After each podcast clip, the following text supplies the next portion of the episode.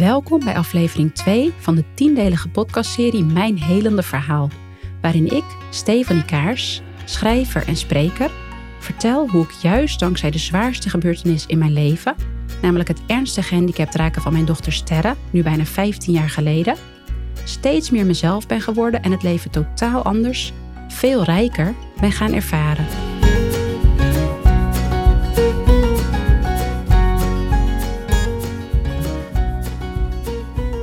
Ik vertel mijn verhaal nu even verder in dagboekvorm, zoals ik het ook beschrijf in mijn eerste boek over sterren.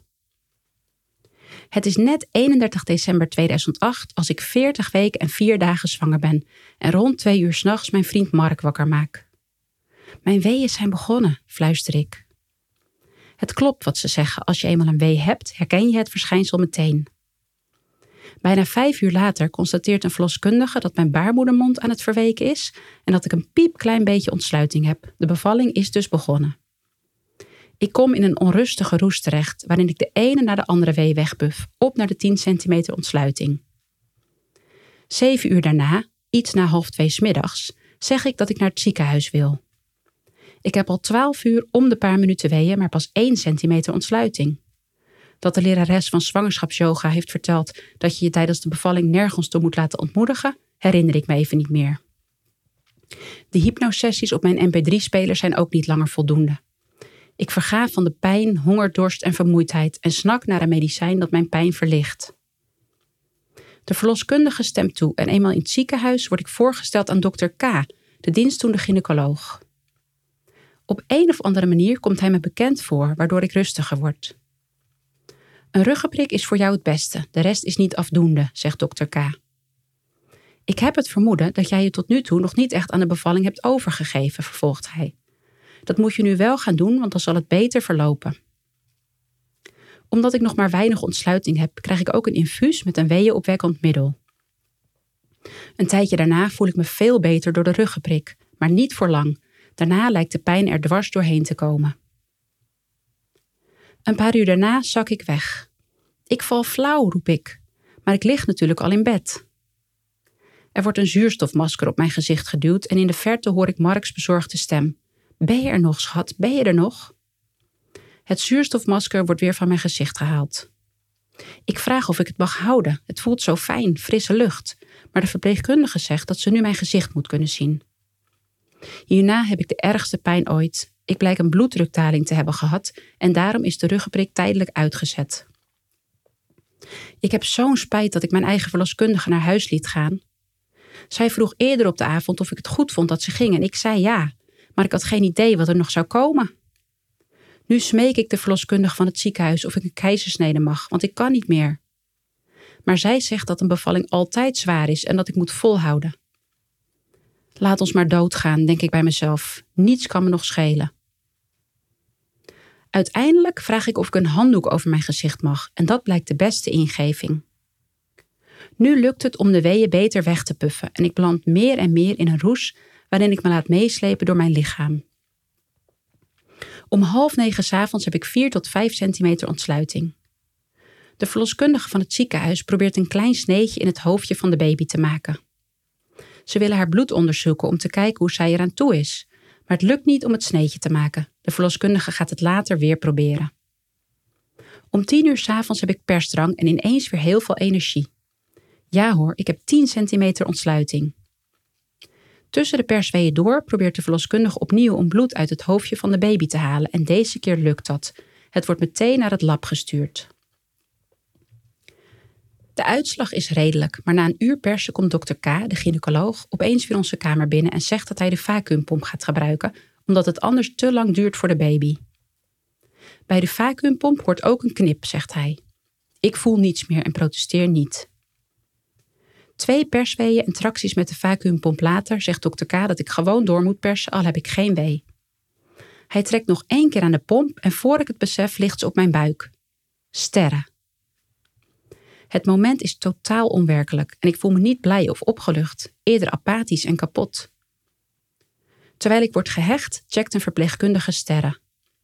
Ze krijgt APGAR-scores van 8 en 9 en de verpleegkundige wurmt onze baby in haar eerste rompertje. Papa's kanjer staat erop. De De verpleegkundige spoort Mark aan om foto's te maken, maar hij is net als ik apathisch. Hij klikt wel wat in het rond. Ik heb het zelf niet echt door, maar het is inmiddels 23 uur 20, dus bijna oud en nieuw. De gynaecoloog stuurt de verloskundige van het ziekenhuis naar huis en zegt tegen mij: Ik ben trots op je. Vanaf het moment dat je je aan de bevalling hebt overgegeven, ging het hartstikke goed. Hij geeft me enthousiast een kus op mijn wang. Dan gaat hij ook naar huis en blijven Mark, Sterre en ik alleen achter met de verpleegkundige. Het volgende stukje lees ik voor uit mijn eerste boek over sterren. 23 uur 45. Gaat het zo wel goed? vraagt Mark bezorgd aan mij als Sterre een paar minuten aan mijn borst ligt. Ik lig op mijn linkerzij aan de rand van het bed. Ik heb mijn arm stevig om mijn dochtertje geklemd, zodat zij er niet van af kan vallen. Ja, dit hoort zo, snauw ik een beetje bozig terug. Want ik heb van tevoren een foto in een boek gezien van een kindje dat ook op deze manier werd aangelegd. En tot mijn eigen verbazing zoog Sterren net een paar keer aan mijn tepel. Mark zit letterlijk met zijn neus bovenop ons en heeft net zijn ouders gebeld om te vertellen dat hun eerste kleindochter is geboren. Gaat het aanleggen goed zo? vraagt Mark nog een keer aan de verpleegkundige als zij weer even binnenkomt. Ja, ik let wel op, zegt zij. Je mag je arm alleen iets minder strak houden, zegt ze tegen mij nadat ze een snelle blik op Sterre heeft geworpen. En ze verschuift mijn arm een beetje. Willen jullie beschuit met muisjes? vraagt ze dan. Wij knikken en de verpleegkundige loopt weg om die voor ons te maken. Ik bel Karin, mijn lieve buurvrouw, die ik als eerste op de hoogte wil brengen van het goede nieuws dat mijn bevalling achter de rug is. Een paar minuten kletsen we, dan hang ik op en komt de verpleegkundige aanlopen met onze beschuiten met muisjes. Het is precies één minuut voor twaalf als Mark nog een keer vraagt of alles toch echt wel goed gaat met onze dochter, want op een of andere manier heeft hij dat idee niet. De verpleegkundige kijkt naar mijn baby en mij en antwoordt dan verschrikt: Nee, ze drukt haar dood tegen de borst. Jij zou toch opletten, roept Mark tegen haar. Ja, maar dat kan niet als ik er niet ben, sist de verpleegster paniekerig. De volgende seconde pakt ze Sterren op en rent met haar naar de kamer grenzend aan mijn verloskamer, op de voet gevolgd door Mark. Wijna moet komen, hoor ik haar tegen Mark zeggen. Hij rent de gang op en roept: Wijna, Wijna, spoedgeval. Ik zit nog vast aan allerlei infusen en blijf als versteend in bed liggen. Ik begrijp niet wat er aan de hand is, maar wel dat het goed mis is. God help ons, God help ons. Keihard hoor ik mezelf gillen. Het is een reflex, een noodkreet vanuit mijn hart. Als hij ons ooit wil bewijzen dat hij bestaat, is dit het moment. Dan hoor ik Mark's stem weer vanuit de andere kamer. Wij houden van je, je bent papa's kanjer. Laat zien wie je bent, Sterre. Laat zien wie je bent, gilt hij. Nooit eerder heeft hij zo geklonken.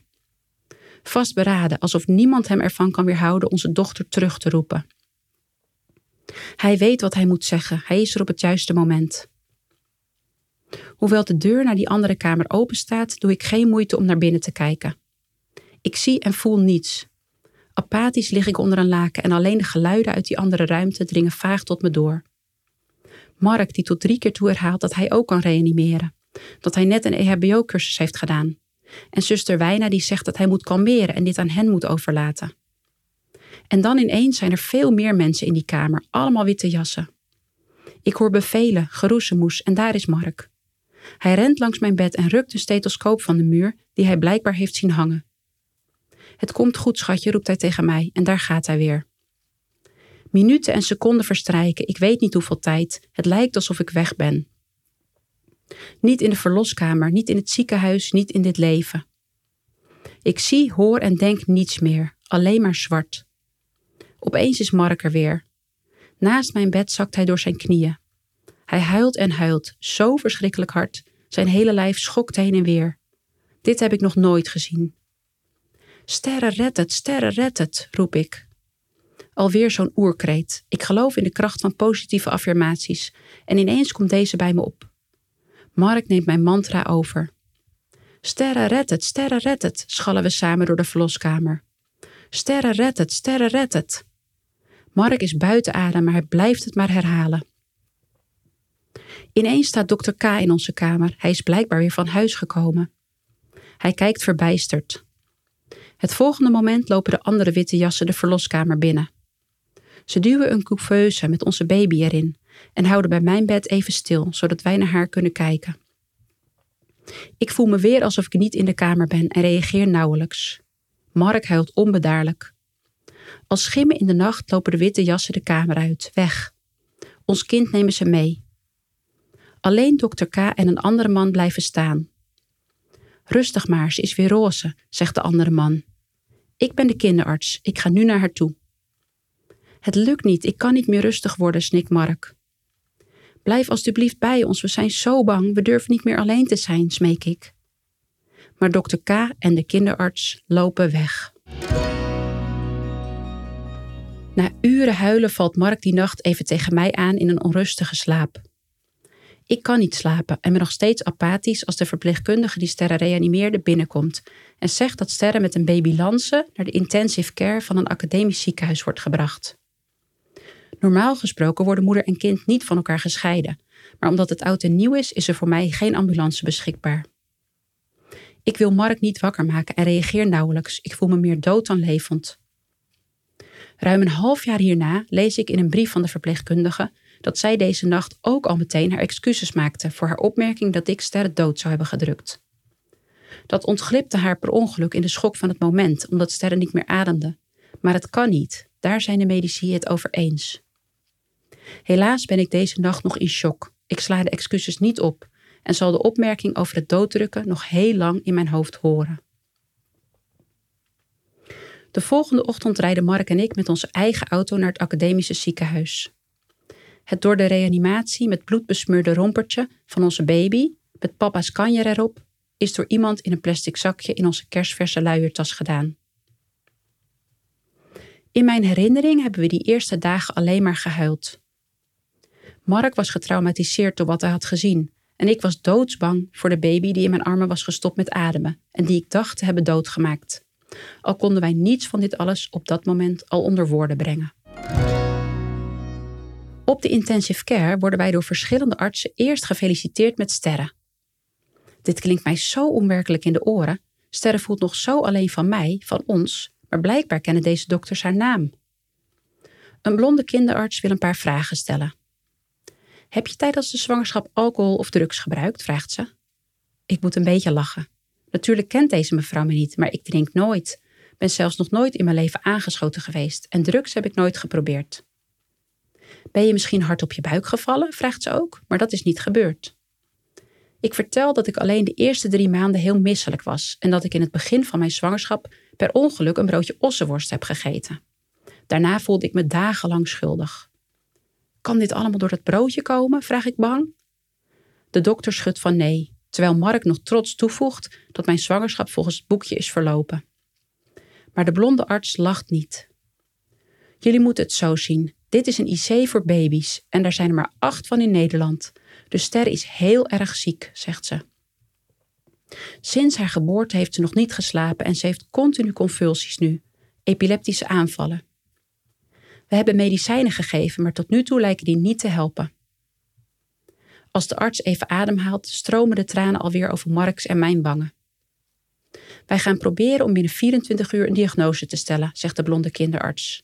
En dan loopt ze weg. Sterre raakt niet over de convulsies heen. Het is niet om aan te zien.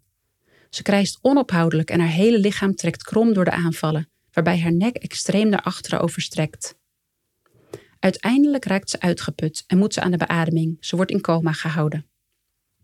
Mark en ik slapen in het ziekenhuis en als we op 2 januari ochtends vroeg op de IC komen, heeft Sterre een slang in haar neus. Dat is een neuszonde om voeding door te krijgen. En een beademingsslang in haar mond, plakkers op haar borst, een infuus in haar rechterpols, een navellijn en een apparaatje aan haar rechtervoet. Na deze aanblik van mijn baby stop ik met kolven. Ik kan niet meer aan zo'n apparaat liggen terwijl mijn dochter hier doodgaat. Gelukkig lijkt iedereen dat te snappen. Die middag komt een nieuwe kinderarts mijn kraamkamer binnen en vertelt dat hij grote zorgen heeft over sterren. Ik zal er niet omheen draaien, zegt hij. Ze heeft hoogstwaarschijnlijk ernstig zuurstoftekort gehad en daardoor heeft ze 100% zeker blijvende hersenschade opgelopen. Maar het kan ook zijn dat ze helemaal geen kwaliteit van leven heeft. Mark barst in snikken uit. Ik vind de situatie totaal onwerkelijk. 100% zeker blijvende hersenschade, schrijf ik op mijn kladblok, dat ik erbij heb gepakt om zo min mogelijk informatie van dit gesprek verloren te laten gaan. Sterren heeft op dit moment drie gradaties hersencellen, namelijk witte, grijze en zwarte, zegt de arts. De witte zijn goed, dat zijn levende, functionerende hersencellen. De zwarte zijn doodgegaan door het zuurstoftekort en de grijze zullen de komende tijd kiezen of ze blijven leven of niet. Over een uur gaan we een MRI-scan maken van Sterres hersenen en de uitslag daarvan moet uitwijzen hoe zij ervoor staat. Als er een te groot gebied zwart is, heeft zij geen kwaliteit van leven en dan moet de stekker eruit worden getrokken. Tussen 6 en 7 uur vanavond weten we het. Bij mij valt het kwartje nu ook. Het is alsof alle lichten uitgaan en de wereld vergaat. Al kan ik zelf nog 100 jaar worden, ik kan me niet voorstellen dat ik me ooit nog gelukkig zal voelen. In een speciaal kamertje op de IC hebben wij drie uur later het ergste gesprek van ons leven. Ik zit in één gedoken in de rolstoel waar ik sinds mijn bevalling in word verplaatst. Rechtop zitten gaat niet. Het voelt alsof de klap dan nog harder aankomt. Mark duwt mij. Mag het licht misschien uit? vraag ik als we het kamertje binnenrijden. Ik kan sinds Terres reanimatie geen licht verdragen en schrik van elk geluid. Op mijn kraamkamer heeft Mark de TL-balken afgeplakt met krantenpapier. De TL-balken in dit speciale kamertje lijken me bijna aan te vliegen en ik krimp nog meer in elkaar. Ja hoor, alles is hier mogelijk, zegt de kinderarts die vanmiddag bij ons op de kamer was. Hij gniffelt een beetje. Dan begint het gesprek. Op de MRI-scan van Sterre zien we schade in het motorische deel van haar hersenen, zegt een kinderneuroloog. Ze blijft leven, maar het is zeer waarschijnlijk dat zij later motorische beperkingen zal kennen. Waarschijnlijk zal ze nooit kunnen lopen en het hangt erom of ze spastisch is. Cognitie en motoriek zijn met elkaar verbonden, dus hoe ze zich cognitief gaat ontwikkelen kunnen we niet voorspellen. Mark huilt onbedaarlijk. Is ze gehandicapt? vraag ik. Zo zou je het kunnen noemen, antwoordt de dokter. Er is een kleine kans dat ze verstandelijk beperkt zal zijn, maar motorische beperkingen zijn zo goed als zeker. De tijd moet uitwijzen hoe sterren zich ontwikkelt. Wat is motoriek ook alweer? vraag ik. De dokters kijken me aan alsof ik dom ben, maar ik kan gewoon niet meer nadenken. Marks ouders, die er ook bij zijn, vragen waarom ik geen keizersnede kreeg, net als wij deden. De dokter legt nogmaals uit dat ik weliswaar een zware bevalling had, maar dat niemand dit resultaat kon voorzien. Ook vertellen de artsen dat baby's tot ze zes maanden zijn bewegen vanuit hun hersenstam. Die is niet beschadigd bij sterren, dus het eerste halfjaar zullen we niet zoveel bijzonders aan haar bewegingen zien. Pas na zes maanden begint de motorische ontwikkeling vanuit het deel van het brein dat bij sterren is beschadigd. Hoe het kan dat sterren is gestopt met ademen, weten ze niet. Jouw bloeddrukdaling en het gebruik van de vacuümpomp waren klappen, maar normaal gesproken zou een baby die kunnen hebben, zegt de arts. Kunnen wij alsjeblieft een psycholoog krijgen? vraag ik. Dat gaat nu niet, het is vrijdagmiddag, zegt de arts. De medisch-maatschappelijk werkster kan in het weekend ook niet, maar ik zal vragen of ze maandag contact met jullie opneemt, besluit hij. Alle dagen hierna kan ik het niet bevatten. Ik weet niet of ik sterren nog wil. Wat is er met haar gebeurd? Ik wil smeken, gillen om een keizersnede, alles terugdraaien, maar het kan niet meer. Als Mark zegt dat we dikke vette pech hebben gehad, antwoord ik wel dat ik dat niet geloof. Ik geloof niet in toeval of pech. Sterren hoort hoe dan ook bij ons. Ik snap niet waar ik het vandaan haal, maar dat weet ik echt helemaal zeker. Later lees ik een mooie uitspraak van de filosoof Voltaire. Toeval bestaat niet. We hebben zo alleen het gevolg genoemd van een oorzaak die we niet zien. Ik ben aan de ene kant nog steeds volledig in shock en aan de andere kant helderder dan ooit. Laatst las ik in het boek Houden van dingen die niet perfect zijn van de boeddhistische monnik Haimin Sunim. Als we ingesloten worden door moeilijkheden, worden we van nature alerter en meer mindful. Dat herken ik. Waarom moeten er gehandicapte mensen op de wereld zijn?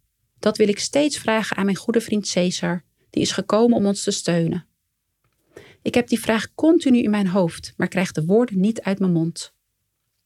Ik denk tegelijk, misschien is Sterre wel bij mij geboren omdat ik haar kan helpen te helen. De afgelopen jaren heb ik zoveel geleerd over healing. En dat op een andere manier dan mijn klasgenoten van het gymnasium, van wie er inmiddels een aantal zelfarts zijn geworden.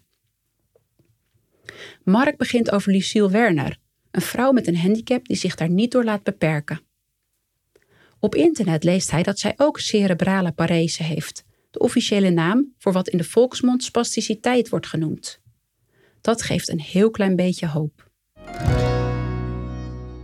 Drie dagen na haar geboorte mag ik Sterren voor het eerst weer vasthouden.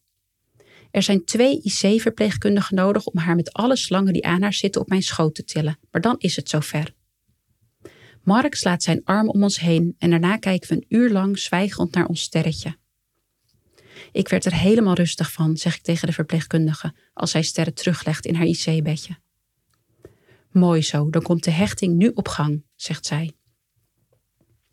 De volgende dag gaan Mark en ik even naar het ziekenhuisrestaurant en daar loopt ze plotseling voorbij, Lucille Werner. Mark en ik hebben kippenvel. Later verwoorden we het zo. Voor ons is dit een prachtig teken dat ook onze sterren op een dag haar licht kan en mag laten stralen. Na vijf dagen mogen Mark en ik niet meer in de kraamkamer van het ziekenhuis blijven, omdat ik zelf geen complicaties heb.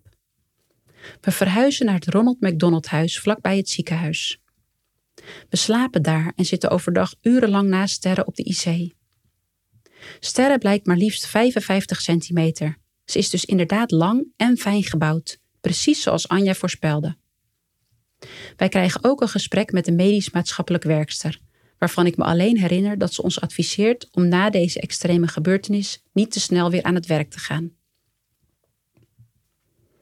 Na een week op de IC gaat het langzaam beter met Sterren. Ze heeft geen convulsies meer en kan weer zelfstandig ademen. Ze mag naar een gewone kinderafdeling, bijvoorbeeld die in het streekziekenhuis waar ze is geboren. De kinderafdeling is een andere afdeling dan verloskunde, benadrukt de arts die ons dit vertelt. Hij snapt dat het voor ons heel moeilijk is om terug te gaan naar het streekziekenhuis waar het misging met sterren. Toch besluiten we dat te doen, vooral omdat het mij ook vreselijk lijkt om met sterren in een ander onbekend ziekenhuis terecht te komen, verder weg van ons huis. Hoe slecht kan het met een mens gaan? Sinds het begin van mijn bevalling heb ik nauwelijks geslapen en als ik even wegdommel, komen de nachtmerries. Ik droom dat ik mijn baby dode, dat ik haar heb platgedrukt, dat ze onder me ligt, dat we haar moeten begraven, tot ik weer wakker schrik, badend in mijn eigen angst zweet. Ik wil zo graag vluchten voor de verschrikkelijke pijn die ik voel, en tegelijkertijd heb ik het vurige verlangen om hier ooit met mijn baby over te kunnen praten. Om ooit te kunnen vertellen over het afschuwelijke begin van haar leven. Zal ik dit later, als ze groter is, met mijn sterren kunnen delen? Na een aantal dagen in het streekziekenhuis moeten wij sterren zondevoeding leren geven. Haar mondmotoriek, alle spieren in de mond die normaal gesproken zorgen dat een baby kan zuigen en slikken, is ook verstoord geraakt door de hersenschade, dus sterren kan niet zelf drinken. Als het jullie lukt om sterren 24 uur achter elkaar zondevoeding te geven, mogen jullie haar mee naar huis nemen, wordt ons uitgelegd. Maar hoe vaak de verpleegkundige alle handelingen ook herhaalt, van hoe we eerst met een spuitje de lucht uit de zonde moeten trekken en kunnen checken of de zonde goed in de maag zit, tot het werkelijk toedienen van de melk, ik kan het niet onthouden. Ik ben ook zo boos. In het academische ziekenhuis besloten de artsen dat sterren een kwaliteit van leven heeft. Maar ik heb nooit verpleegkundige willen worden en nu moet ik mijn kind melk leren geven door een neuszonde. Gelukkig is Mark onze rots in de branding. Hij kan wel onthouden hoe het werkt en doet ongelooflijk zijn best.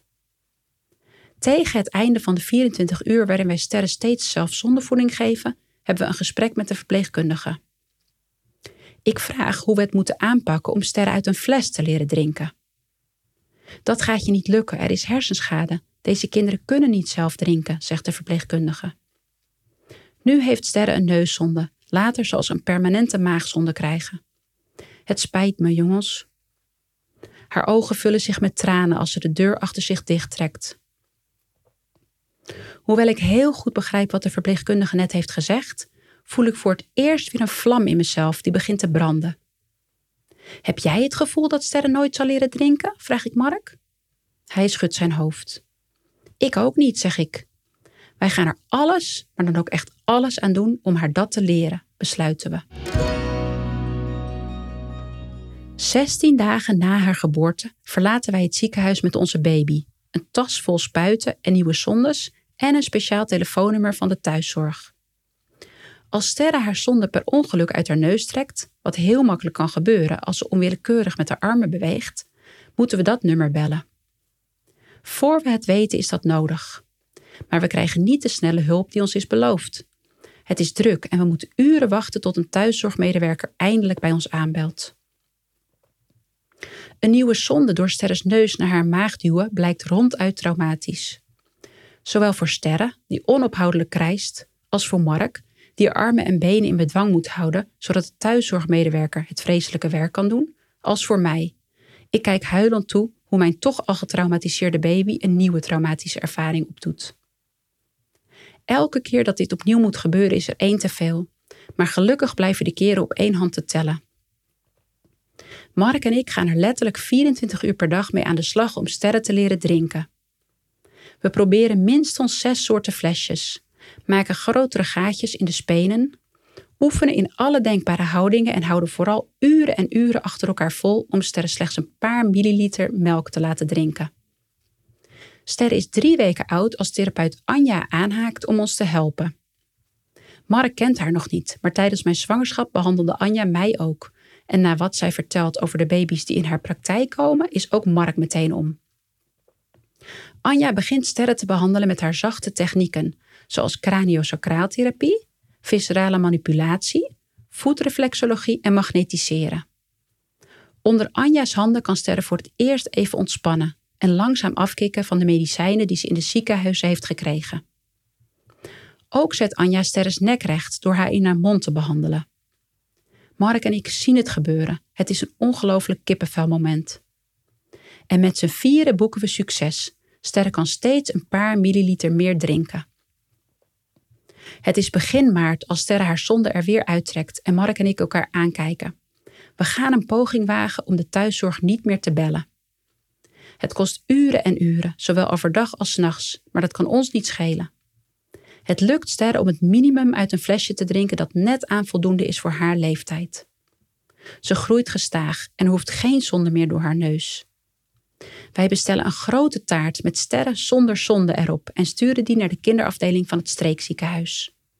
We krijgen een kaart terug dat de verpleegkundigen heel blij zijn. Ondertussen komen familieleden en vrienden huilend bij ons op kraamvisite en we krijgen onvoorstelbaar veel kaarten toegestuurd. Op een dag belt de postbode aan.